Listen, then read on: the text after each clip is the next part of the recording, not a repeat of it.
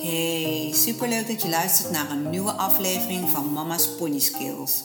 Een podcast gemaakt voor moeders door moeders. Dit is dé plek voor ouders en begeleiders van kinderen en hun ponies. Ons motto is voor iedereen wat wils en samen ontwikkelen wij onze eigen pony skills. Wil je ervaringen met ons delen, een vraag of een probleem aan ons voorleggen of gewoon gezellig meeluisteren? Abonneer je dan op onze podcast en op ons Instagram-account Mama's Pony Skills. Hey, leuk dat jullie luisteren naar onze podcast. Ehm, dit is onze eerste. We hebben hem zojuist uh, teruggeluisterd. We hebben hem heel spontaan opgenomen. Er zitten echt heel wat verbeterpunten in. We hebben toch besloten om hem gewoon zo te laten, want dit is ja, hoe wij zijn. Niet perfect, uh, maar de boodschap is daar. We willen er zijn voor andere moeders, vaders, begeleiders van jonge rijdende kinderen. Dus veel luisterplezier. Wij zijn uh, Rafita en Diana. Ehm, net als dat wij dat vroeger deden, rijden onze dochters op dit moment ook samen paard. Ehm, mijn dochter is uh, Donna en ze is 9 jaar oud. Ze is een beginnende ruiter.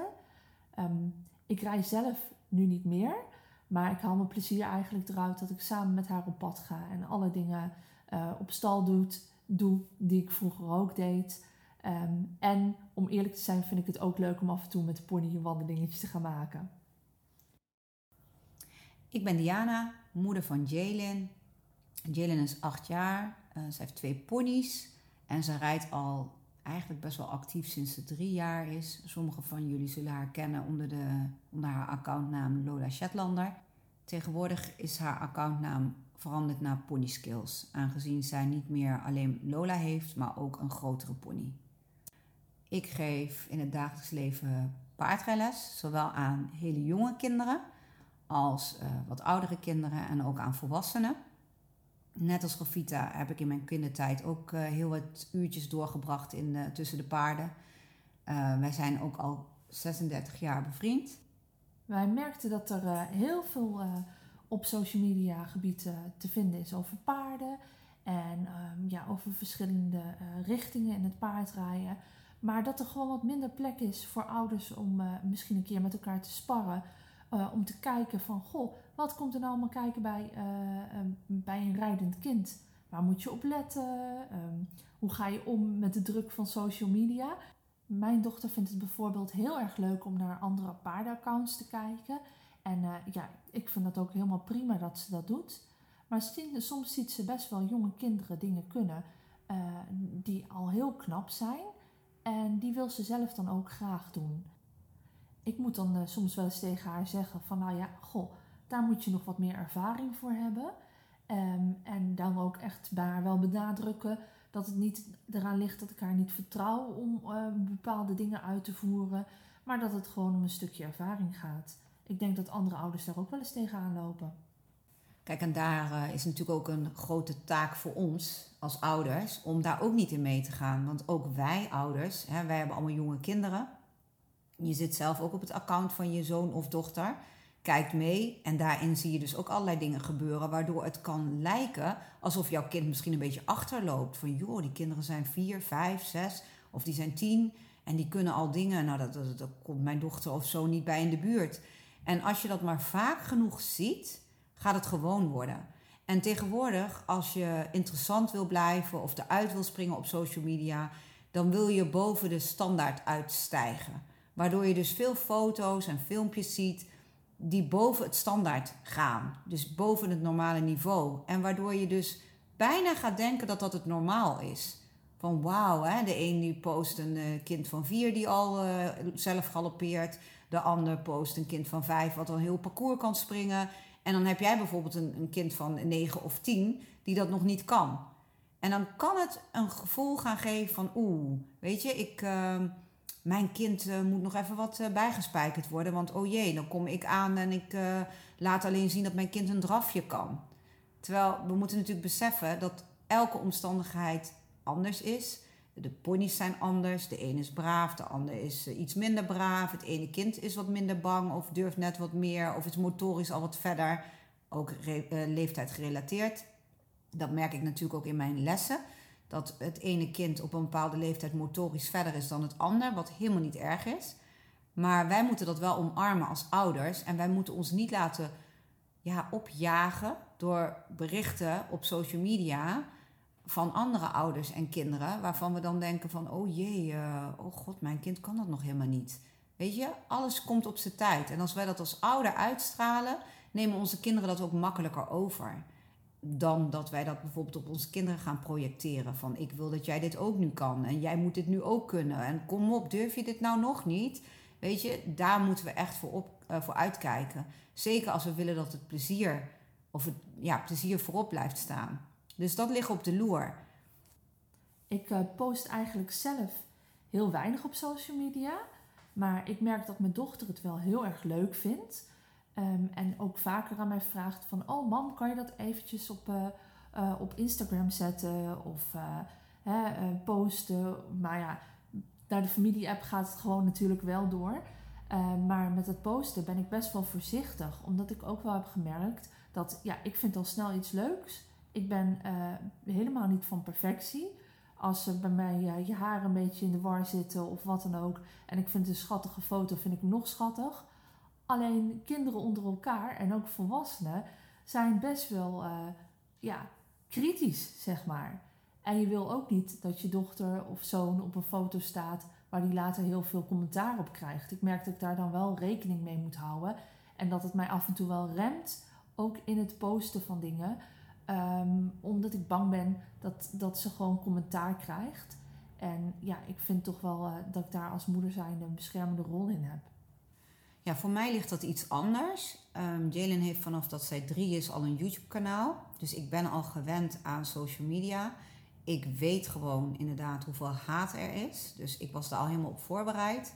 Voorheen uh, was het zo dat bij kinderaccounts op YouTube gewoon gereageerd kon worden. Nou, dan kreeg ik soms een paar honderd reacties wel op een video.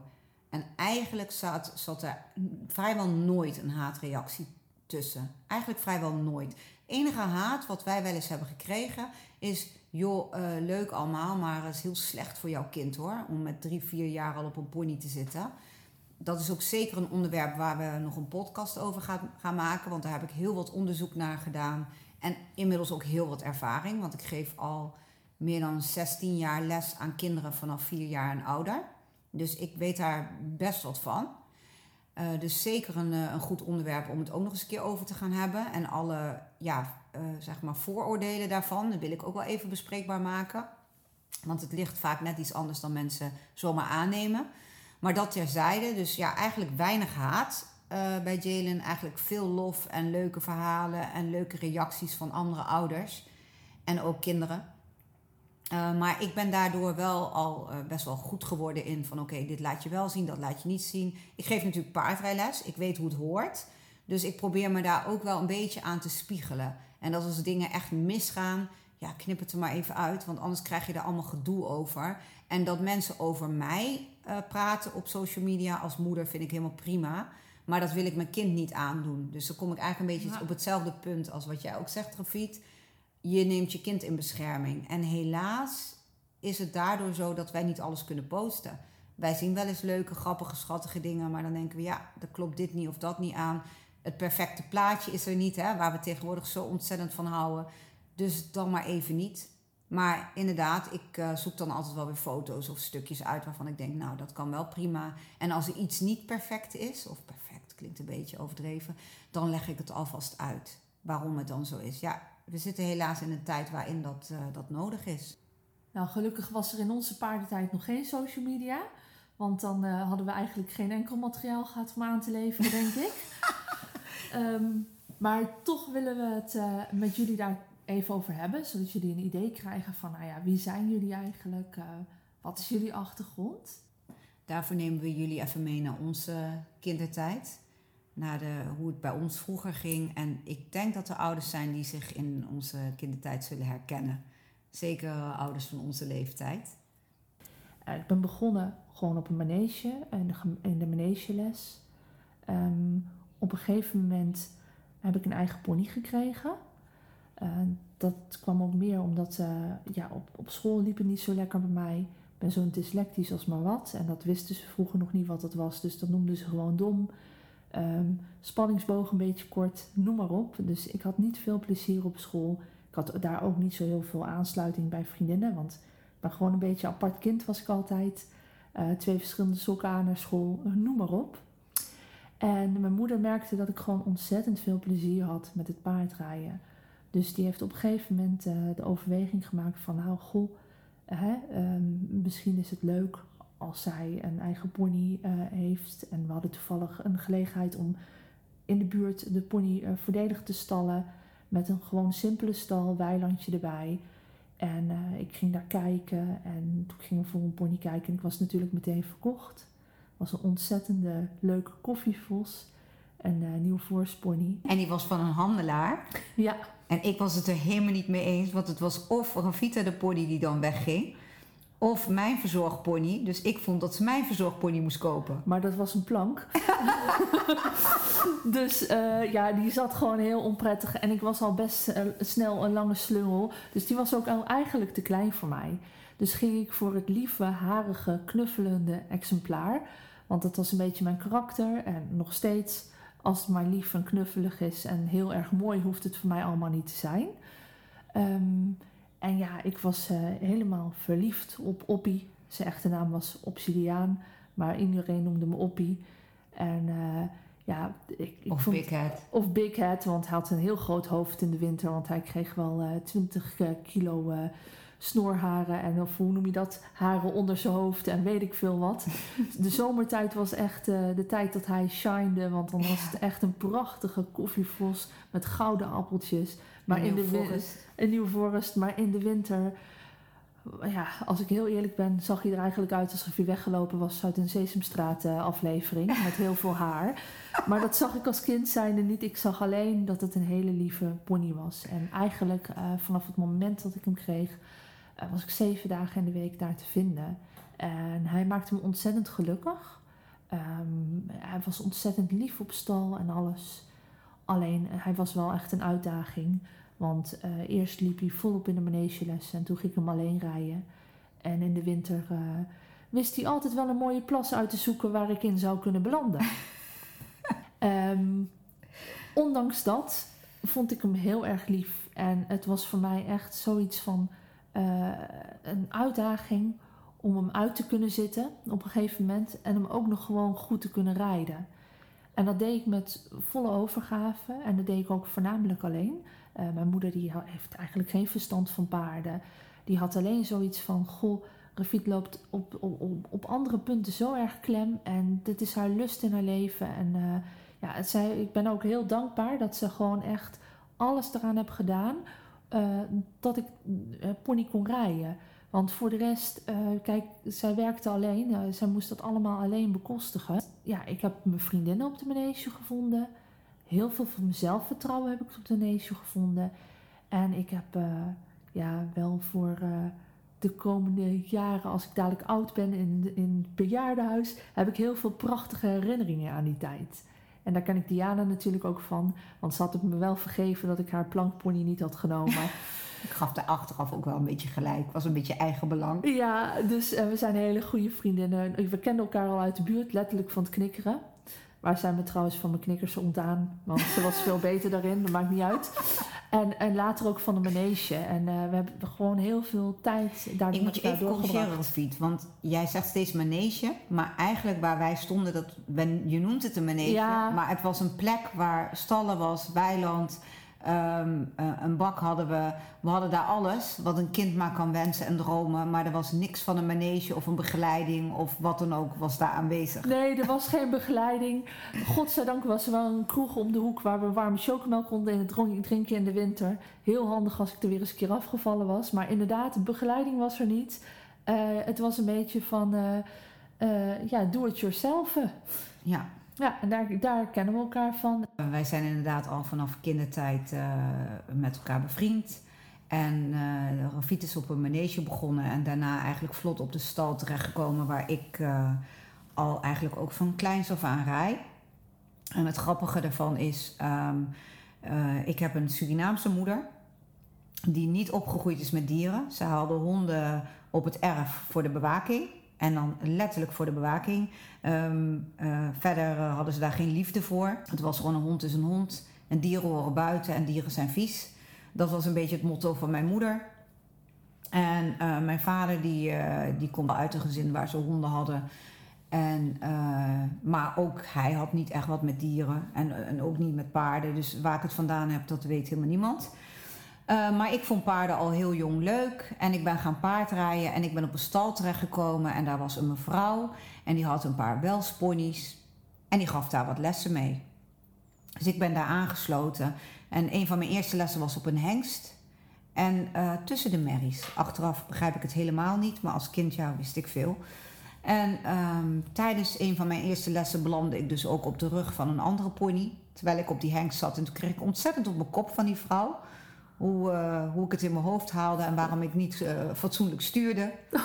En ik gaf haar gelijk. Ja, ik had niet fatsoenlijk gestuurd, maar ik had nog maar een paar lessen gehad. En ik zat op een hengst in een les.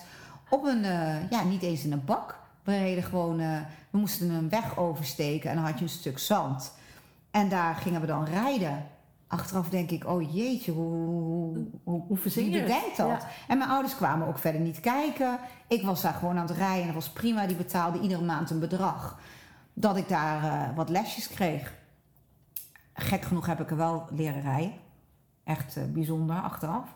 Maar uh, veel van geleerd. Deze mevrouw vertrok op een gegeven moment van die plek. En ik bleef daar achter. Met nog een aantal andere kinderen. Want daar was ook een handelaar.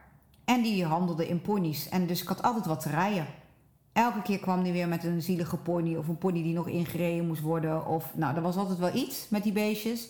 Maar ik heb daar zoveel van geleerd. En op een gegeven moment, uh, nou, ik vertelde het net al een beetje. Hè, Rafita die kreeg een uh, pony van haar ouders. En die pony kwam daar. Ze kon dus kiezen of uit mijn verzorgpony of een andere pony, Oppie.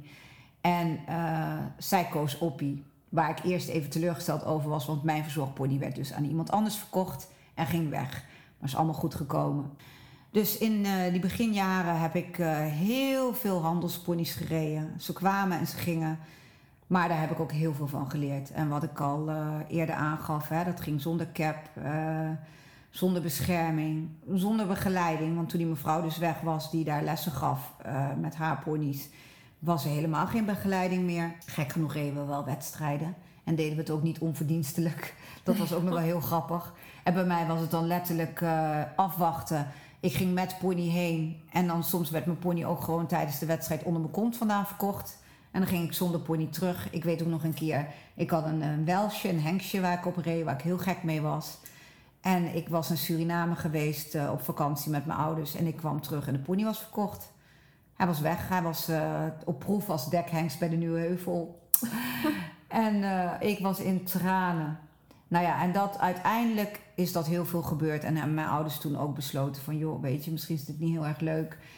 En uh, heb ik uiteindelijk toch uh, een pony gekregen. Mijn eerste pony kreeg ik trouwens van een mevrouw die later daarin kwam. Hè. Die, ga, daar werden lessen gegeven en ik was nog best jong. En ik, zonder diploma, mocht daar les geven. Dus ik begon lessen te geven. En eigenlijk als cadeautje voor mijn verjaardag heb ik toen uh, mocht ik kiezen. Of de pony die ik verzorgde of het veulen ervan. En toen heb ik uiteindelijk het veulen gekozen. En die heb ik ook een aantal jaren gehad. En totdat ik daar eigenlijk te groot voor werd. En toen hebben mijn ouders op een gegeven moment een jong paard gekocht.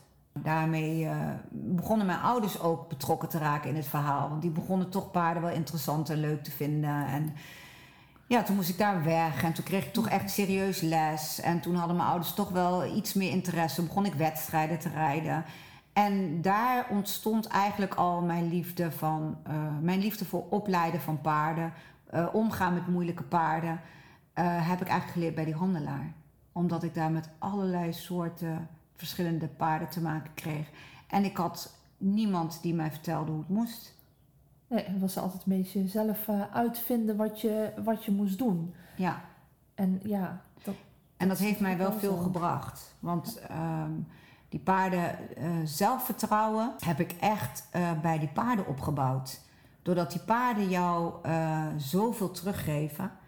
Um, als jij met, op de juiste manier ze benadert, als jij met respect met ze omgaat, als je duidelijk tegen ze bent, als je rechtvaardig bent, krijg je dat zo keihard terug.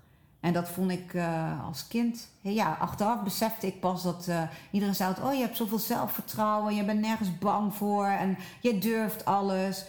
Ja, op het gebied van paarden had ik dat zeker.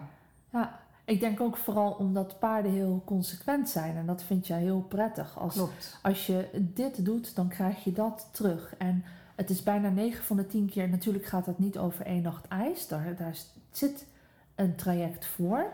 Maar paarden die, die zijn heel consequent. Die houden ook van uh, dat alles een beetje hetzelfde blijft. Hè? Er is geen paard die heel erg blij wordt volgens mij. Of er zijn uitzonderingen altijd. Van heel veel afwisseling. En een paard... Nou, afwisseling houden ze wel ja, van. Maar, maar, iedere keer verandering ja, in het dagelijks ritme. Dat is het. Uh, verandering in het dagelijks ritme. En ook in de omgang. Als je dit doet, komt er uiteindelijk dat uit. En het zou niet meteen zo zijn, maar als je ze eenmaal opgeleid had, was dat natuurlijk wel zo. Ja. En, ja, dat en het gaf zoveel voldoening, maar ook des te meer verdriet, omdat die paarden altijd kwamen en gingen. Ja. En als jij een paard had waar je niet eens een hals erbij om kon doen. En uiteindelijk kon je er alles mee. Kon je zonder zadel, zonder hoofdstel uh, langs het water galopperen, bij wijze van spreken. En dat vond ik zo grappig, want het vrijheidsdressuur van tegenwoordig, dat zeggen wij zo vaak, dat deden wij vroeger eigenlijk al. Ja alles eraf en een zonnezadel erop. En uh, de gekste dingen haalden we met die ponies uit. En waarom hadden wij ook die vrijheid? Ja, waarom deden we dat? We hadden ook een hele grote vrijheid. Omdat wij niet op een manege reden. We hadden niet iemand die zei: Oh, dat is gevaarlijk. Of Oh, dat kan je niet doen. Wij lieten onze kinderfantasie de vrije loop. En godzijdank leven we nog. Nou, inderdaad. Uh, ik bedoel, we deden paardenvoetbal al. Uh, ja. Met z'n allen. Um, ik weet dat er een keer een strootrouwconstructie is geweest met een sleetje achter uh, een paar paarden met meerdere sleeën achter elkaar. Toen raakten we in het bietenveld, maar dat vonden we ook allemaal heel grappig. Ja. Uh, het zijn wel dingen die, die ik nu mijn kind echt niet zou laten doen. En je paarden ook niet zou aandoen. Nee. Want dat is het ook. Hè. We hebben ook heel veel dingen gedaan die wij leuk vonden. En dat zeggen wij regelmatig tegen onze kinderen Ja. nu. Oké, jij vindt dit leuk, maar Wat denk je dat jouw paard paard dat ook Ja. leuk vindt? En dat zijn wel dingen die je als kind ben je vooral heel erg vanuit jezelf bezig. Dit vind ik leuk en dit wil ik. Ja, dat als ik dan even een grote aantekening mag maken met eh, op de manier van hoe wij met paarden opgegroeid zijn, hoe leuk we het ook vonden. Het paardenwelzijn stond niet altijd voorop. Want wij dachten als kind ook heel erg in onze eigen gedachten van, oh, dit vinden wij leuk, dat zal het paard ook wel leuk vinden. Achteraf met al die Ja. strootouwtjes, constructies en die dingen wat wij gedaan hebben, denken we wel eens, oei, Maar ik vind wel, wat, wat wel heel mooi is, we hadden altijd wel de zorg voor de paarden. Eh, het was altijd zo, uitmesten deden we zelf. eh, erop stappen zonder te poetsen of zonder... Nee, we konden uren poetsen. Ja. Het was ook dat hele stuk verzorging. Want wij konden natuurlijk soms helemaal niks. Want dan stond het weiland onder water of de bakken, die stond onder water. En dan wisten we altijd wel gewoon onze dag te vullen met het verdroetelen van de paarden. En eh, ja, ze hebben wel eens hele slechte haarstijlen gehad met al die strikjes en alles. maar dat, dat stukje ervoor zorgen, je rijdt erop en je moet er dan ook voor zorgen, dat zat er al heel ehm, sterk in bij ons. Klopt, heeft niemand ons geleerd. En in weer en wind gaan, want Ja. je hoort ook wel eens kinderen met mooi weer, dan is het leuk en met slecht weer, maar dat, dat zat er ook helemaal in. En het grappige is dat we dat bij onze kinderen ook wel terugzien hoor. Want wij hebben zelf nu wel zoiets van, oh mijn god, het is best wel koud of eh, nou ik wil het even snel doen. Nou, dat is bij die meiden niet bij, want die hebben altijd van, nee, we willen toch nog dit en we willen nog dat. Ja. En, eh, dus dat is wel heel leuk om terug te zien. Maar goed, om weer even terug te komen op het, eh, het voorstellen. Eh, want wij gaan van de hak op de tak. Dat zullen jullie wel meer bij ons gaan meemaken. Is dat we eigenlijk samen onze jeugd begonnen zijn met paarden. En dat het ons heel veel gebracht heeft. Dat wij heel veel hebben zelf moeten uitzoeken. Gelukkig kunnen we onze kinderen nu goed begeleiden.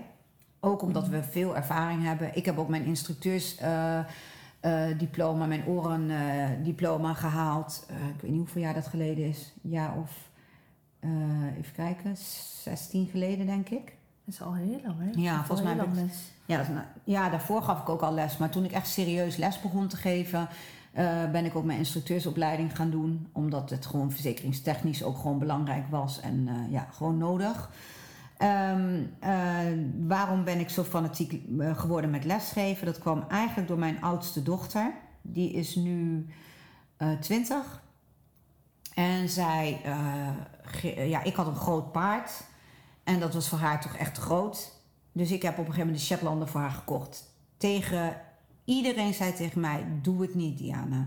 Neem een Welsje. Wat moet je met zo'n Shetlander? Die beesten zijn eigenwijs. Ze luisteren niet. Ze zijn sterk. Er is niks voor kinderen. Ze bijten. Ja, eigenwijs als ik ben, denk ik van nou, sorry, ik heb vroeger ook op chatten gereden. En die waren ja, misschien eigenwijs, maar ik heb er altijd heel veel plezier mee gehad. Ik ga gewoon een chat kopen. En ik koop gewoon eentje uh, waarvan ik denk van nou, daar, uh, die is wel braaf. Dus uh, heel eigenwijs heb ik een chat aangeschaft. Bleek inderdaad niet braaf. Dus ik ben er zelf op gaan zitten. zonder zadel, zonder iets. Ik ben 1,63. Ik wou net zeggen, even vertellen hoe licht je bent. Ja, en ik ben niet zwaar. En, maar ik had wel zoiets van, goh, ik ga dan zelf wel even die pony uitleggen wat ik nou eigenlijk bedoel en wat de hulpen zijn. Nou, dat heb ik een paar keer gedaan. En toen had die pony dat al door, want Shetlanders zijn hele intelligente dieren. Die snel leren. En uh, daarna kon mijn dochter er ook op. En uh, nou, toen ze vier was, ze ging naar school, ging de pony mee naar school. Uh, andere moeders gingen me aanspreken. Oh, kan mijn kind ook niet rijden? Kan mijn dochter ook niet rijden? Nou, namen af en toe wat kinderen mee. We hadden zoveel schik met die Shetlander. Ja, dat het idee ontstond van, nou ja, misschien is het wel leuk om wat lesjes te gaan geven. En zodoende van één chat kwamen er twee, van twee kwamen er drie. En op een gegeven moment ging ik gewoon naar de paardenmarkt. En ging ik afgedankte chatten daarop kopen. Die waren niet zo heel duur. En um, ik haalde ze daar vandaan, voedde ze op en zette ze in de les. En in onze, ja, ik denk dat we op een gegeven moment 16 chatten zelfs hadden. En we zaten altijd vol met de les aan kinderen vanaf vier jaar. En ik kreeg ook echt uh, maneges en mensen uit mijn omgeving. Hoe kan dat, Diana? Chatten zijn toch helemaal niet braaf?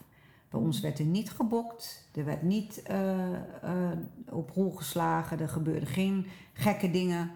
Ponies waren gewoon braaf. En het verschil was, naar mijn mening, dat veel mensen een Shetlander pakken, uit de wei trekken, niet passend zadel erop, want het maakt toch allemaal niet uit. En huppatee, kind erop, en rijden maar. Maar heel veel tijd en aandacht in de opvoeding en in het zadelmat maken van een Shetlander wordt er niet gestoken. Shetlanders krijgen ten onrechte de stempel niet braaf, niet geschikt voor kinderen, te sterk, ze bijten, ze trappen. Al deze dingen meer. Maar ik zeg dan al tegen mensen: oké, okay, uh, Shetten zijn ook paarden, alleen zijn ze wat kleiner. eigenlijk zijn ze heel braaf. Want ik heb nog nooit een. Uh, KWPN van 1,65 gezien die uit de wei werd getrokken, waar een niet passend zadel op werd gegooid en waar vervolgens een kind op werd gezet. En dan, nou, ga maar rijden. Nee, wij trainen ze eerst, worden gelongeerd. Ja. Vaak worden ze naar een africhtingsstal gebracht. Komt er een professional bij om te helpen bij het inrijden. En pas als dat helemaal voor elkaar is, dan komt er een kind aan te pas of een andere ruiter. En onder begeleiding, er is dan les minimaal één keer in de week. Wat zie je bij een chat? Het is vaak, gooi er maar op, laat de kinderen maar aanklooien. En daarna roepen, nou die ponies zijn ook stout, die zijn ook eigenwijs. Terwijl, hoe vaak hebben die kinderen les? Hoeveel begeleiding is er? Uh, is er een zadelmaker bij geweest? Past alles wel goed? En ik denk dat dat nu wel aan het veranderen is. Want je ziet wel steeds meer chatten opduiken overal en mensen die er wel blij mee zijn. En het is tegenwoordig niet meer dat je hoeft te schamen onderhand. Niet dat ik me ooit heb geschaamd hoor, maar dat probeerden mensen me soms wel aan te praten. Dat je met chatten werkt. Want het is vaak, nee, chatten, nee joh, kan beter zo'n aatje, is veel mooier allemaal en het ziet er veel leuker uit. Terwijl ik heb daar een andere kijk op. En dat is ook een beetje uit dat idee en al die vragen die ik kreeg van ouders uh, op bijvoorbeeld zo'n Bixie dat ik dacht, hé, hey, ik ga daar video's over maken. Ik ga laten zien dat chatten wel braaf kunnen zijn. En dat heb ik dus onder andere gedaan door uh, filmpjes te maken van uh, Lola en van Jalen. Vanaf dat zij drie is tot en met nu. En ik vind dat een hele belangrijke boodschap. En ik denk ook dat als wij meer zouden delen met elkaar, onder andere over dit onderwerp, maar er zijn nog zoveel meer onderwerpen, dat we samen leren en dat we ook inzichten krijgen. En dat we misschien ook wel dingen die ons worden aangepraat, zoals Shetlanders zijn niet braaf, Shetlanders zijn allemaal eigenwijs. Dat we ook leren om het van de andere kant te bekijken. Ik zeg niet dat er geen eigenwijze chatten zijn. Ik zeg ook niet dat er geen chatten zijn die niet geschikt zijn voor kinderen. Oh, die zijn er zeker wel. Maar er zijn ook paarden die niet geschikt zijn voor kinderen. Of ponies die niet geschikt zijn voor kinderen. Het is ook, er hoort een bepaald karakter bij, maar er hoort ook een bepaalde opvoeding bij. En een bepaalde verantwoordelijkheid. En een bepaalde zorg. Ik maak regelmatig mee dat een tandarts zegt: Ach ja, dat die tanden van jouw chat niet helemaal. Maakt niet uit, joh, die worden toch al te dik. Dan eet ze tenminste wat minder. Nou, dan, dan, dan sta ik met open mond te kijken. Want ik heb zoiets dat zal over een grotere pony of een paard niet snel gezegd worden. Of dat komen ze überhaupt bij een tandarts, een Shetlander? Weet je, zijn ze daar belangrijk genoeg voor? En dat zijn wel onderwerpen die mij aan het hart gaan en die ik belangrijk vind om te delen. En mensen moeten natuurlijk mee doen wat ze zelf willen. Maar het is soms wel goed dat je ook een andere kant uh, van in dit geval het rijden op een Shetlander kan belichten. Weet je, er zijn zoveel dingen waarvan je denkt uh, het bestaan misschien niet weet. En waarvan het leuk is om, om dat met elkaar te kunnen delen. En laat het ook een plek zijn waar dingen niet goed of fout zijn. Iedereen heeft zijn eigen manier van met dingen omgaan. En dat past bij je karakter of je kind karakter. Um, ja, eigenlijk een beetje zonder echt oordeel daarover te hebben. Ja, want je kunt elkaar allemaal veroordelen. Oh, die is te klein, die is te groot, die is te dit en die is te dat. Maar uiteindelijk gaan we ervan uit dat we allemaal als moeders, ouders, begeleiders het beste met onze kinderen voor hebben en onze ponies. Ja. En soms kun je, doordat je bepaalde informatie niet hebt of niet weet, te snel iemand eh, veroordelen. Terwijl daar soms veel meer achter zit. Dus het is juist leuk dat we dat niet doen, elkaar veroordelen. Maar dat we juist gewoon informatie met elkaar delen. En ja, haal eruit wat bij jou past, of wat bij jouw pony past, of bij je kind past. Maar samen worden we wijzer. En dit is precies de reden waarom wij elke vrijdag een nieuwe podcast voor jullie maken. Wij gaan daarbij met elkaar in gesprek. En we zouden het super leuk vinden als jullie daar ook bij zijn. Leuk dat je onze podcast helemaal hebt afgeluisterd. Vind je het een aanrader voor andere paardenmoeders of begeleiders? Deel onze podcast dan met hen. Voor ieder wat wil, samen ontwikkelen onze eigen pony skills. We zouden het leuk vinden als je een screenshot maakt van deze aflevering, deze deelt op je Instagram account en ons, het Mama's Pony Skills, daarin tagt. Op deze manier weten wij wie er naar ons luistert en inspireer je wellicht anderen om zich ook bij ons aan te sluiten. Bedankt alvast en tot volgende week vrijdag.